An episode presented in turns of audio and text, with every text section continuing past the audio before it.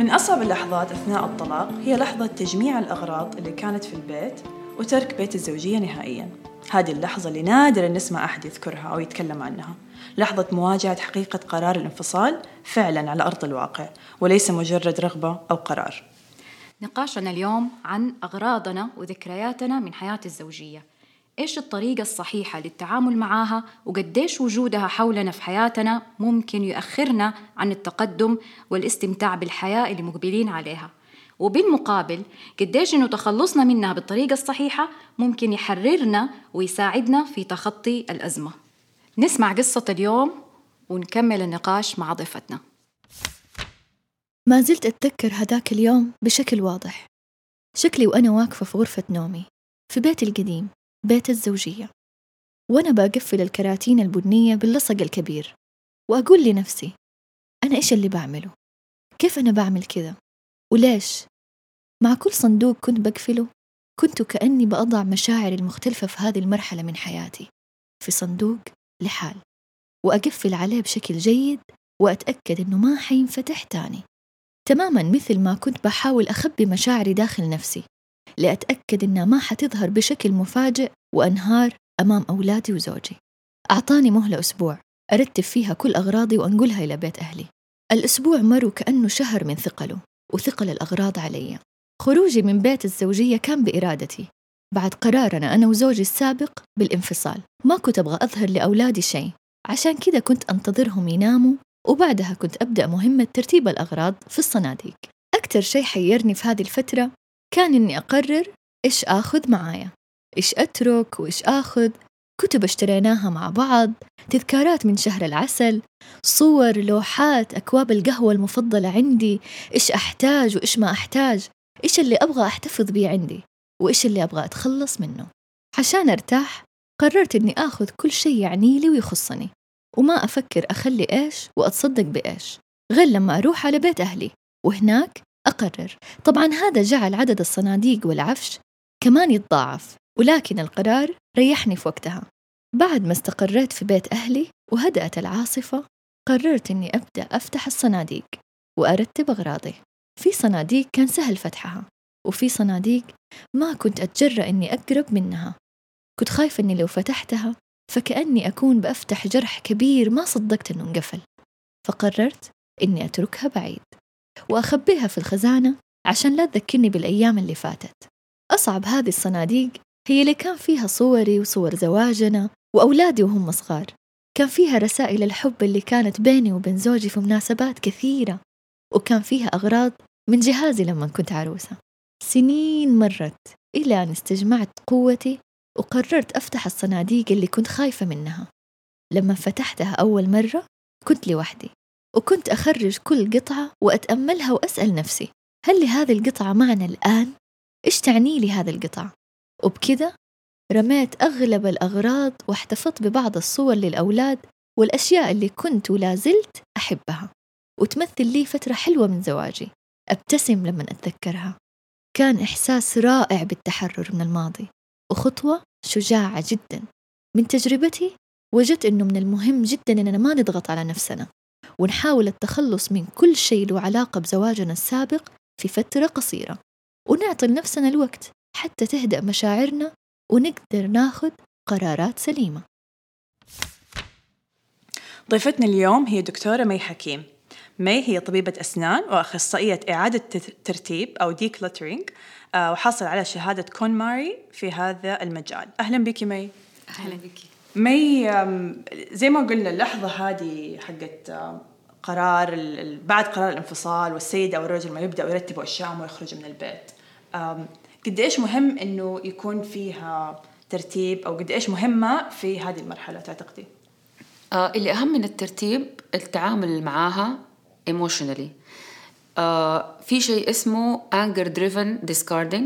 هذا الشيء بيجي لما الواحد يكون خارج من من طلاق مثلا ما هو لطيف آه ما تم بسلاسة وبسهولة وبتفاهم. في مشاعر تكون مكبوتة. في إحساس بالغضب. فالطريقة الوحيدة للتنفيذ إن إنه الواحد يمسك أي شيء متعلق بدي العلاقة ويرميه. مع إنه الأشياء الأهم المتعلقة بال بالعلاقة هذه هي ال- المشاعر والأحاسيس والأشياء اللي بنمر بها صح، مو وليس الأغراض. الأغراض اللي- الأغراض مجرد أشياء ملموسة بتفكرنا. بس هي أغلب الوقت مظلومة. لأنه مو كلها بتجيب ذكريات سيئة ومو كلها شرط إن إحنا نمسكها نحرقها نرميها وهذا هو الحل لأنه ممكن تجيب في المستقبل مشاعر ندم شديدة. وبعدين أتوقع ال- الارتياح اللحظي اللي يجي بعد هذا النوع من التخلص من الأغراض أكيد هو زي ما قلت لحظي. مؤقت. يعني مؤقت ما ما يستمر. ممكن مع ناس it works ويكون يعني ينفع بس غالبا ما هو محبب إنه نتعامل معاها بمشاعر غضب لحظية. طيب آه، مي تحكينا أكثر عن ال- الكون ماري آه ال concept حق آه، كونماري في ال decluttering آه له ترتيب مقسم آه لخمسة فئات. آه ومن وجهة نظرها لازم تمشي بالترتيب حق الفئات هذه اللي هي الملابس الكتب ال miscellaneous اللي هي فيها مطبخ فيها أشياء يعني أشياء art أشياء تانية. وبعدين تجي آخر category وهذا الشيء اللي أنا أتفق معاها فيه آخر فئة بتكون هي الأشياء ال sentimental اللي مرتبطة ب أشياء شخصية لها مشاعر أحاسيس كروت رسائل معينة. قديمة صور دي دائما تخليها في الآخر لأنها دائما تكون ثقيلة على القلب ومتعبة والقرارات فيها مو سهلة فتبدأي بالأشياء ال- السلسة عشان مو أول شيء تمسك. الصورة تشكشقيها وكذا صح أو إنه أكيد ما يساعد كمان أحد تاني يقوم بهذا الدور. لا. تاني يرمي مبدأ حقتك وأنت ما, ينفع. تدري أو ما, ينفع ما أحد يعمل لك هي وأنت غير موجودة. ما ينفع آه يعني مثلا أنا consultant وباجي sessions بالساعة وكذا لكن ما ينفع إنه أنت تدفعي لي وتجيبيني وبعدين تخرجي من البيت. ما حد يقدر ياخذ قرارات بالنيابة عنك. هي ما هي أشياء خربانة ومكسرة حنقيها ونرميها. لا بعضها أشياء valuable وغالية وممتازة ووضعها رهيب بس هي فعلا أشياء أنت ما تبغيها و it needs to go أم، مي طب إيش الفرق صراحة بين ال decluttering والترتيب العادي؟ يعني هذه يمكن الناس اللي ما هي مرة مستوعبة الفرق بينه. طيب الترتيب العادي هو عبارة عن إنك بتشيلي أشياء في البيت بتغيري أماكنها يعني خلاص بطلتي آه، تطبقي ال T-shirts قررتي إنه صار عندك closets دواليب متاح فيها التعليق قررتي إنه كل شيء تبغيه يكون معلق قدامك آه غيرتي ترتيب أشياء المطبخ خليتي الاباجير قريبة منك في آه، جنب ال- الفرن وشلت الأشياء الثانية وبعدتيها ما في تخلص من الأشياء ال- ال- الفائضة عن احتياجك. مجرد إنك انت بترتبيها وهذا في ألف أحد شاطر فيه. بس ال- الشيء اللي ياخذ مجهود وجرأة وشجاعة إنك تاخذي قرار إنك تتخلصي من دي الأشياء. وإحنا ما نقول ترمي أو discard أو throw away. مجرد إنك أنت you pass it on لأشخاص تانيين ممكن يستفيدوا منها وممكن يسعدوا بوجودها. أنت غير محتاجتها. وما تهمك كثير ومو مرة تحبيها. ويبان هذا في طريقة رصك ليها ووضعك ليها ومدى تذكرك لوجودها أساسا. ويبغانا ما ننسى نقطة إنه بعض الذكريات هذه تكون مرتبطة مو بي بس يعني بي لوحدي. يكون لو عندي أولاد حيكون برضو هي من حق أولادي. هذه ف- نقطة مهمة حنتكلم فيها برضه ممتاز. الكون ماري ينطبق على كل كل الفئات من الناس كل الناس الطبيعية واللي بتمر بأزمة. آه بس. بالذات آه اللي بيمر بطلاق.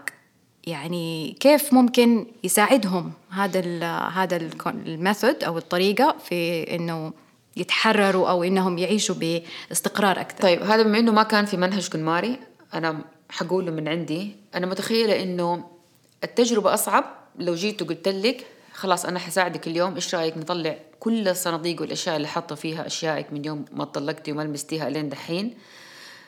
يلا اليوم. مرة أصعب على النفس تكون من التمهيد. فلما أنت تقرري تعملي decluttering عام في البيت يلا حنبدأ بفئة الملابس وبعدين حنمشي شوية شوية نوصل لفئة الكتب. بعدين حنروح على المطبخ بعدين حنروح على أشياء ال art حقتك. وبعدين نوصل لل sentimentals ونحط هذه الأشياء في دي الفئة.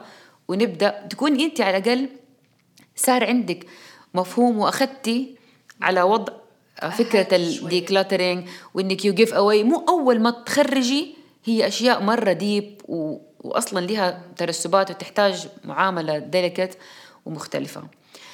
أم... أبغى أقول بس الفكرة في انه إنه الناس بتحتفظ بالأشياء هذه الناس اللي ما عندها ال anger issues وبترمي على طول. آم، كثير بيواجهوا هجوم ونقد إنه أنت لسه متعلقة فيه أيوة، أنت صحيح. لسه بتحبيه. عشان كده أنت. شايلة الأغراض. أثبت لنفسك إن أنت خلاص تخلصتي من العلاقة دي. اولا ما فيها شيء لو كنت لسه تحبيه. هذا شيء طبيعي. الانفصال بيصير لأسباب مرة كثيره أحيانا بتكوني مضطرة ليها بس إحنا بني آدمين يعني. ففي النهاية في أيوه مشاعر ممكن تكون مشاعر حب. ما هي غلط ولا هي شيء بطال. آه، تاني شيء فكرة التعلق بأشياء زي فستان الفرح أو الدبلة بالذات الخاتم. It's not about الشخص هو مو علشان هو. عشان فكرة الارتباط بزواج أنا كنت نفسها. مستقرة وفي علاقة ومتزوجة ومعروفة في المجتمع في وسط الناس وكده. وفجأة دحين حشيل ده الخاتم هذا هو ارتباطي بكوني كنت متزوجة ولي كده مكان معين كمتزوجة بالذات في مجتمع زي مجتمعنا. فهي مو مو مرتبطة الخاتم والفستان ب بدا البني آدم بالذات بس هي فكرة صعوبة التخلص من من فكرة إني I'm not married anymore متناسقة صح. إنه إيش يمثلوا أعتقد واحدة من الأشياء اللي يعني أنا من تجربتي وكثير سمعت سيدات مطلقات ويمكن الرجال كمان عدوا فيها إنه لما أجي أترك بيت الزوجية ما أعرف إيش آخذ معي وإيش ما آخذ مثلا. ف... فيصير في ال pressure حق إني أنا أبغى أرتب اشيائي وأشيلها وفي نفس الوقت زي ما قلت الأشياء ال sentimental دي. طب أنا آخذها ولا ما آخذها؟ أخليها ولا ما أخليها؟ فأنا ما أعرف أنا كنت نصيحتي طبعا كنت أجتهد. كنت أقول لهم خذي كل شيء وبعدين زي ما قلت لما تروقي وتروح مرحلة الغضب والحزن دي تروقي. ولما تروحي البيت اللي أنت رايحة عليه بيت أهلك بيت بيتك أنت ترتبي لما تروقي. فخذي كل شيء معاكي. ما أعرف هذه النصيحة كانت صح ولا غلط. صحيحة لأنه أحيانا آم، حتسيبي أشياء out of برضو ال anger والمشاعر اللحظية وهي أشياء تخصك بس أنت شايف إنه هو جاب لك هي وهي فلوسه وهي لا أنا ما أبغى ولا شيء منه. أيوه صح. في النهاية تفكري فيها تلاقيها لا هذه أشياء وأنا أبغاها وأنا أحبها. It doesn't matter هو بفلوسه هو فلوس أو مو فلوس أنا كنت عايشة معاه وكان هذا نمط الحياة الطبيعي انه الاشياء دي هو اللي يوفرها. فالفكرة صحيحة. طيب متى يبدأ الواحد؟ يعني أوكي أخذنا الأغراض من البيت وحطيناها في كراتين. آه، زي بالضبط اللي في يعني ال- القصة. آم، متى الوقت المناسب أو الصحي إنه أنا يعني أروح و وأفرغ هذه الكراتين وأرتبها وأتخلص منها أو يعني إنه أشتغل عليها؟ ما في rules ولا في كتاب ولا في توقيت يقول لك لازم تبدأي في التاريخ الفلاني أو بعد ما يعدي ستة شهور من ده الموضوع. لأنه في الآخر إحنا أجن أرجع وأقول يعني يعني إحنا بني آدمين. مشاعرنا تختلف تعاملنا مع دي المشاعر مختلف. آه في اللي بيرفض يروح therapy في اللي لا بيروح therapy. ف يعني ما حد يعرف هو متى المفروض كل واحد يعرف متى يكون جاهز. بس اللي ما يعرف متى يكون جاهز وأتمنى إنه اللي بيسمع يستفيد هو اللي بس راميها و... و... وبس مستني فرج الله مستني كده يوم يجي في بال في باله ويطلعها. بس اللي عنده بلان وناوي يعمل كده بس مستني إنه يهدى أو طول ما مشاعر ال- ال- الغضب شوية خفت ومشاعر الحزن كمان شوية خفت ممكن يكون وقتها good time. العامل مرة مهم إنه أنا أكون رحت على مكان جاهز لي يعني أنا مو أكون قاعدة مهجولة فترة مؤقتة في ملحق في بيت أهلي وأقول يلا now it's the time وأفكفك وأقول أوه أصلا ما عندي مكان للأشياء دي يلا خلاص أنا حتخلص منها عشان أساسا أنا ما عندي مكان. لما يصير في نوعا ما استقرار, استقرار. سكني. آه، مي إيش تأثير العملية هذه إنك تتخلصي من الأشياء الزيادة نفسيا على الإنسان؟ يعني سواء بغض النظر هو بيمر بتجربة انفصال أو طلاق أو في الحياة العامة اللي أنت الناس اللي أنت عاده بتساعديهم. كيف يأثر نفسيا هذا الشيء فيها؟ بالنسبة للي بيمروا بتجارب مرة يساعد في ال process حق ال- ال- ال healing والتئام الجروح. لما خلاص تتشجعي وتواجهي البعبع اللي انت خايفة منه. خلاص بعد كده حتحسي ان انت قوية و- وما في خلاص يعني ممكن تتخطي أي شيء. يعني كثير ناس يحسوا إنه طالما I went through this معناها خلاص.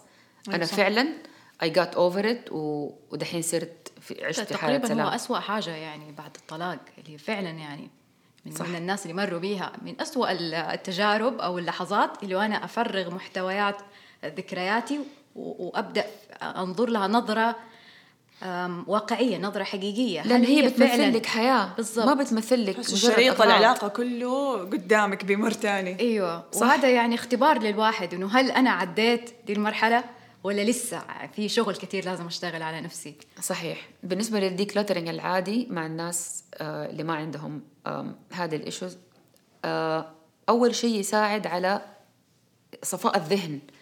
يعني لما انت خلاص تتخلصي من كل الأشياء اللي انت ما انت عارفة فين مخشخشة و... انت الدباكه في الهيد انت عارفة انه في أشياء مرمية ومحشية بس هو ده البعبع اللي أنا خايفة منه خايفة أفك الدولاب يطلع لي الكلوزت مونستر عارفة؟ فبتحشاه طول ده الوقت.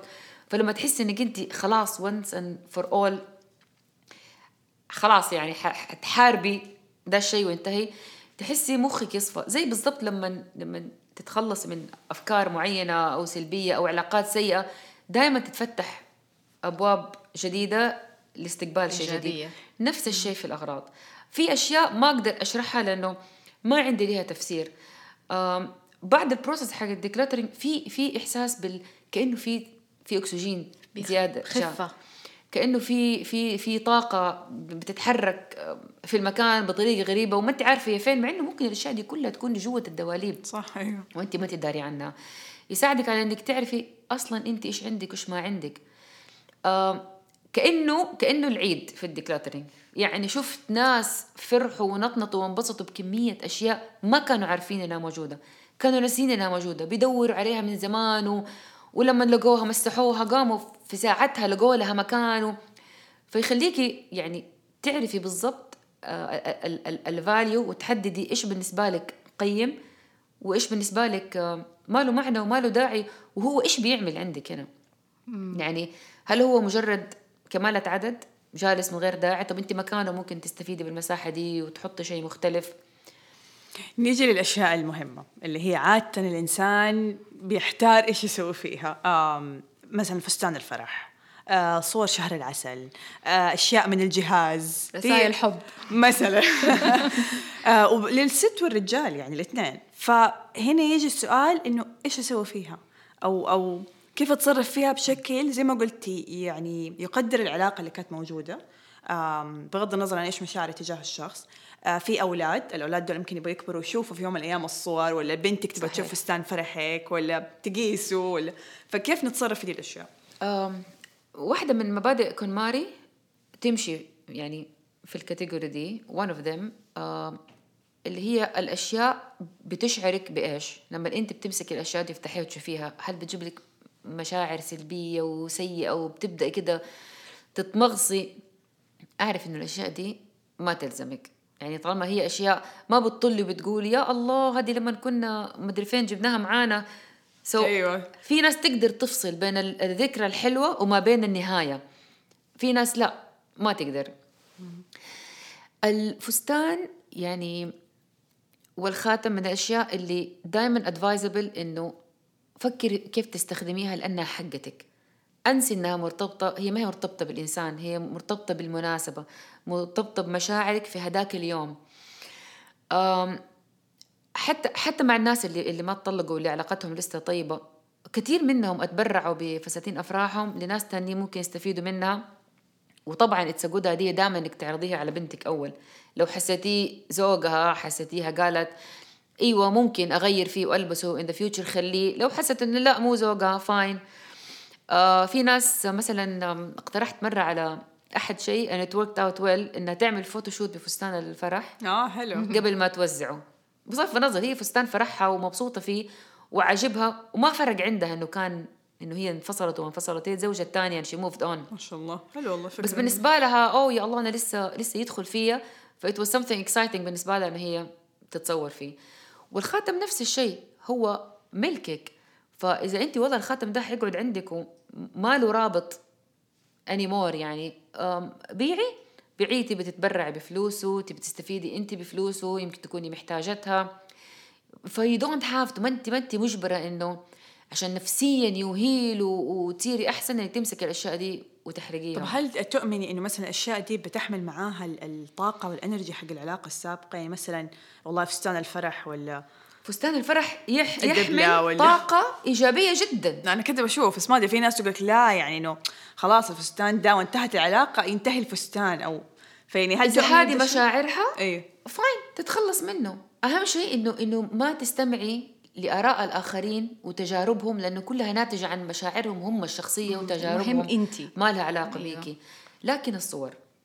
في حال وجود أطفال يعني مهمة جدا الوقفة آم، الأطفال هدول بالنسبة لهم الحياة اللي كانت كانوا عايشينها مع أبوهم وأمهم هم يعني ما تخصهم ال- ال- details ولا المضاربات ولا هم بالنسبة لهم كانت عائلة. حياة صحيحة وجميلة وعائلية وليهم صور مع بعض وصور أمهم وأبوهم أصلا مع بعض بالنسبة لهم تذكرهم ب good memories وأيام ما كانوا أمهم وأبوهم مع بعض.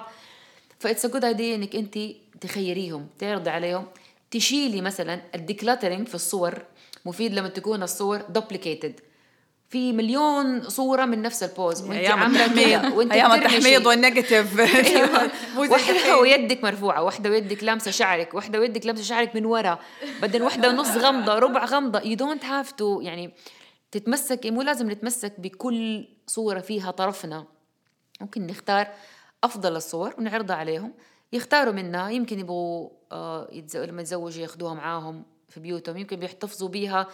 وكل فترة when they're feeling down أو يحبطوا من موضوع الانفصال يبغوا يستعيدوا هذه الذكريات. يبغوا يشوفوا أمهم وأبوهم لما كانوا ونس مع بعض. تذكرهم بأيام ما كانوا صغار وأم وأبوهم كانوا مع بعض. أو مرحلة يكون هم ما عاشوها. يعني ما عاشوا إيش الجواز ده ولا إيش شهر العسل ولا إيش قبل ما أنا أجي في الدنيا كيف كان أمي وأبويا يعني؟ فممكن طريفة. أختار إيش أوريهم. أنا أختار إيش ذي كيب وإيش لا. يعني ممكن صور هاني مون تكون لا ما تحمل هذه المشاعر تكون مرة كده يعني مرة خاصة أو لا مو لازم أنا أنشر لهم كل شيء عندي بس اختار لهم من البوم والفرح أشياء ويحتفظوا بيها. في في قصة طريفة أحب أذكرها إنه أنا لما انفصلت كان عمر ابني الصغير سنة.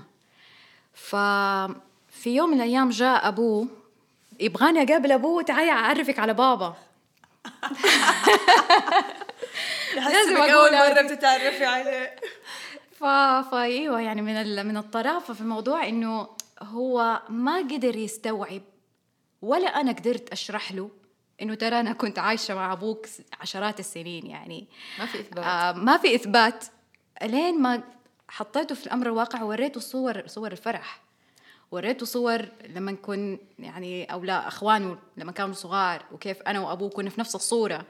فما كان بإمكان ولدي يستوعب إنه إحنا كنا عائلة وإنه أنا مرة كنت أعرف أبوك إلا من خلال الصور فلو إني تخلصت منها كان ما شيء. كان ما عرف كان يعني حذر أو تخيل كان بالنسبة له تخيلات يمكن آه، ما كان شاف الحقيقة فعلا كان في حياة مشتركة بيننا بعدين كان في جزئيه إنه مثلا أحيانا يصير العكس ان تصيري انت resistant أو ترفض إن أنت تتخلي عن أشياء معينة لأن كأنك جوة نفسك بيجيك تانيب ضمير إنه لا أنا لو خلاص وزعت كل شيء مثلا من أيام الجهاز ومن أيام ما كنت متزوجة خلاص طب كأني أنا مين؟ يعني أنا أبغى شيء كمان له علاقة أنا كنت مين في ذيك المرحلة؟ فهل تحس هذا الشيء صح؟ مشكلة إحساس الذنب هو الشيء يعني مشكلة اللي بواجهها مع كل الناس في ال decluttering سواء اللي بيمر بالتجربة دي ولا لا. حتى الأشياء ال- ال- الوحشة اللي ما بتعجبهم اللي مو طايقينها ومخبينها في الدرج لا بس هذه كانت أول هدية جاب إذا هذه كانت من أمي جابت لي مرة يحزن كيف أنا أحرميها؟ و- وإيش حتقول؟ أو مثلا مرة غالية ماركة و... يعني كله بسبب إحساس الذنب مو بسبب نادر ما بيكون بسبب ارتباط والارتباط ده ليه أسبابه وليه حلقة كاملة الحالة لكن دائما إحساس الذنب هو اللي بيحكمنا بس هو طبعا غلط. آه مي إيش تنصحي أي رجل أو سيده بيعدوا بهذه المرحلة مرحلة الانفصال أو الانتقال من بيت لبيت؟ كيف يقدروا يخففوا هذه المرحلة عليهم؟ وإيش ممكن يعملوا؟ آم، ما عندي إلا نصيحة واحدة تخل... تتلخص اللي قلناه ده إنه ينظروا للأشياء ال- ال- ال material هذه كلها على إنها أشياء تربطهم بذكرى معينة لا تربطهم بالشخص. احتفاظنا بأي شيء لا يعني ولاءنا اللي لا زال مستمر لا يعني ضعفنا آه ولا يعني ان إحنا ما إحنا أقوياء كفاية إن إحنا نتخ- نتخطى العلاقة دي ويموف اون لعلاقة تانية. بس دائما يعني follow your heart. إذا حكمتي قلبك أنت حتعرفي. أنت اسالي نفسك هذه الأسئلة كلها ما تحتاجي أحد من برا. هل أنا فعلا بحتفظ بيها عشان هي بتعطيني هذا الإحساس الفولفيلمنت اللي هو كأنه لسه عندي حياة زوجية ما كأني طلقت و- وناقصة زي ما ناس كثير بينظروا. للموضوع. فهي أشياء تربطك بذكريات وبمشاعر ممكن تكون جميلة جدا وما تحتاجي تتخلصي منها ولكن هي ما بتربطك لشخص معين أو للزواج. الأول نفسه. خلاصة الكلام إنه من الدروس العظيمة اللي يعلمنا هي الطلاق إنه كل شيء في هذه الدنيا زائل. وتعلقنا بالأشياء لازم يكون بقدر معقول وبطريقة صحية. وإنه زي ما بيننا ذكريات في السنوات الماضية فحنقدر إحنا كمان نبني ذكريات غيرها دون ندم أو حزن على ما فات. مي شكرا لك على وجودك معنا اليوم. استمتعنا بالكلام معك وبنصايحك.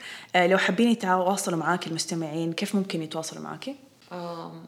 كل ال accounts إنستغرام okay. تويتر سناب شات. مي حكيم ولا غالبا كلها مي حكيم أو مي underscore حكيم. أوكي. وترى مي بتقدم استشارات خاصة أو private consulting consultation لأي أحد حابب إنه يستفيد أو يعمل decluttering في حياته. ولازم يكون مطلق أو منفصل فأنا ننصحكم إنكم تتواصلوا مع مي وتستفيدوا أكيد من من خبرتها في هذا المجال. شكرا. كان معاكم غزل. وبسمة.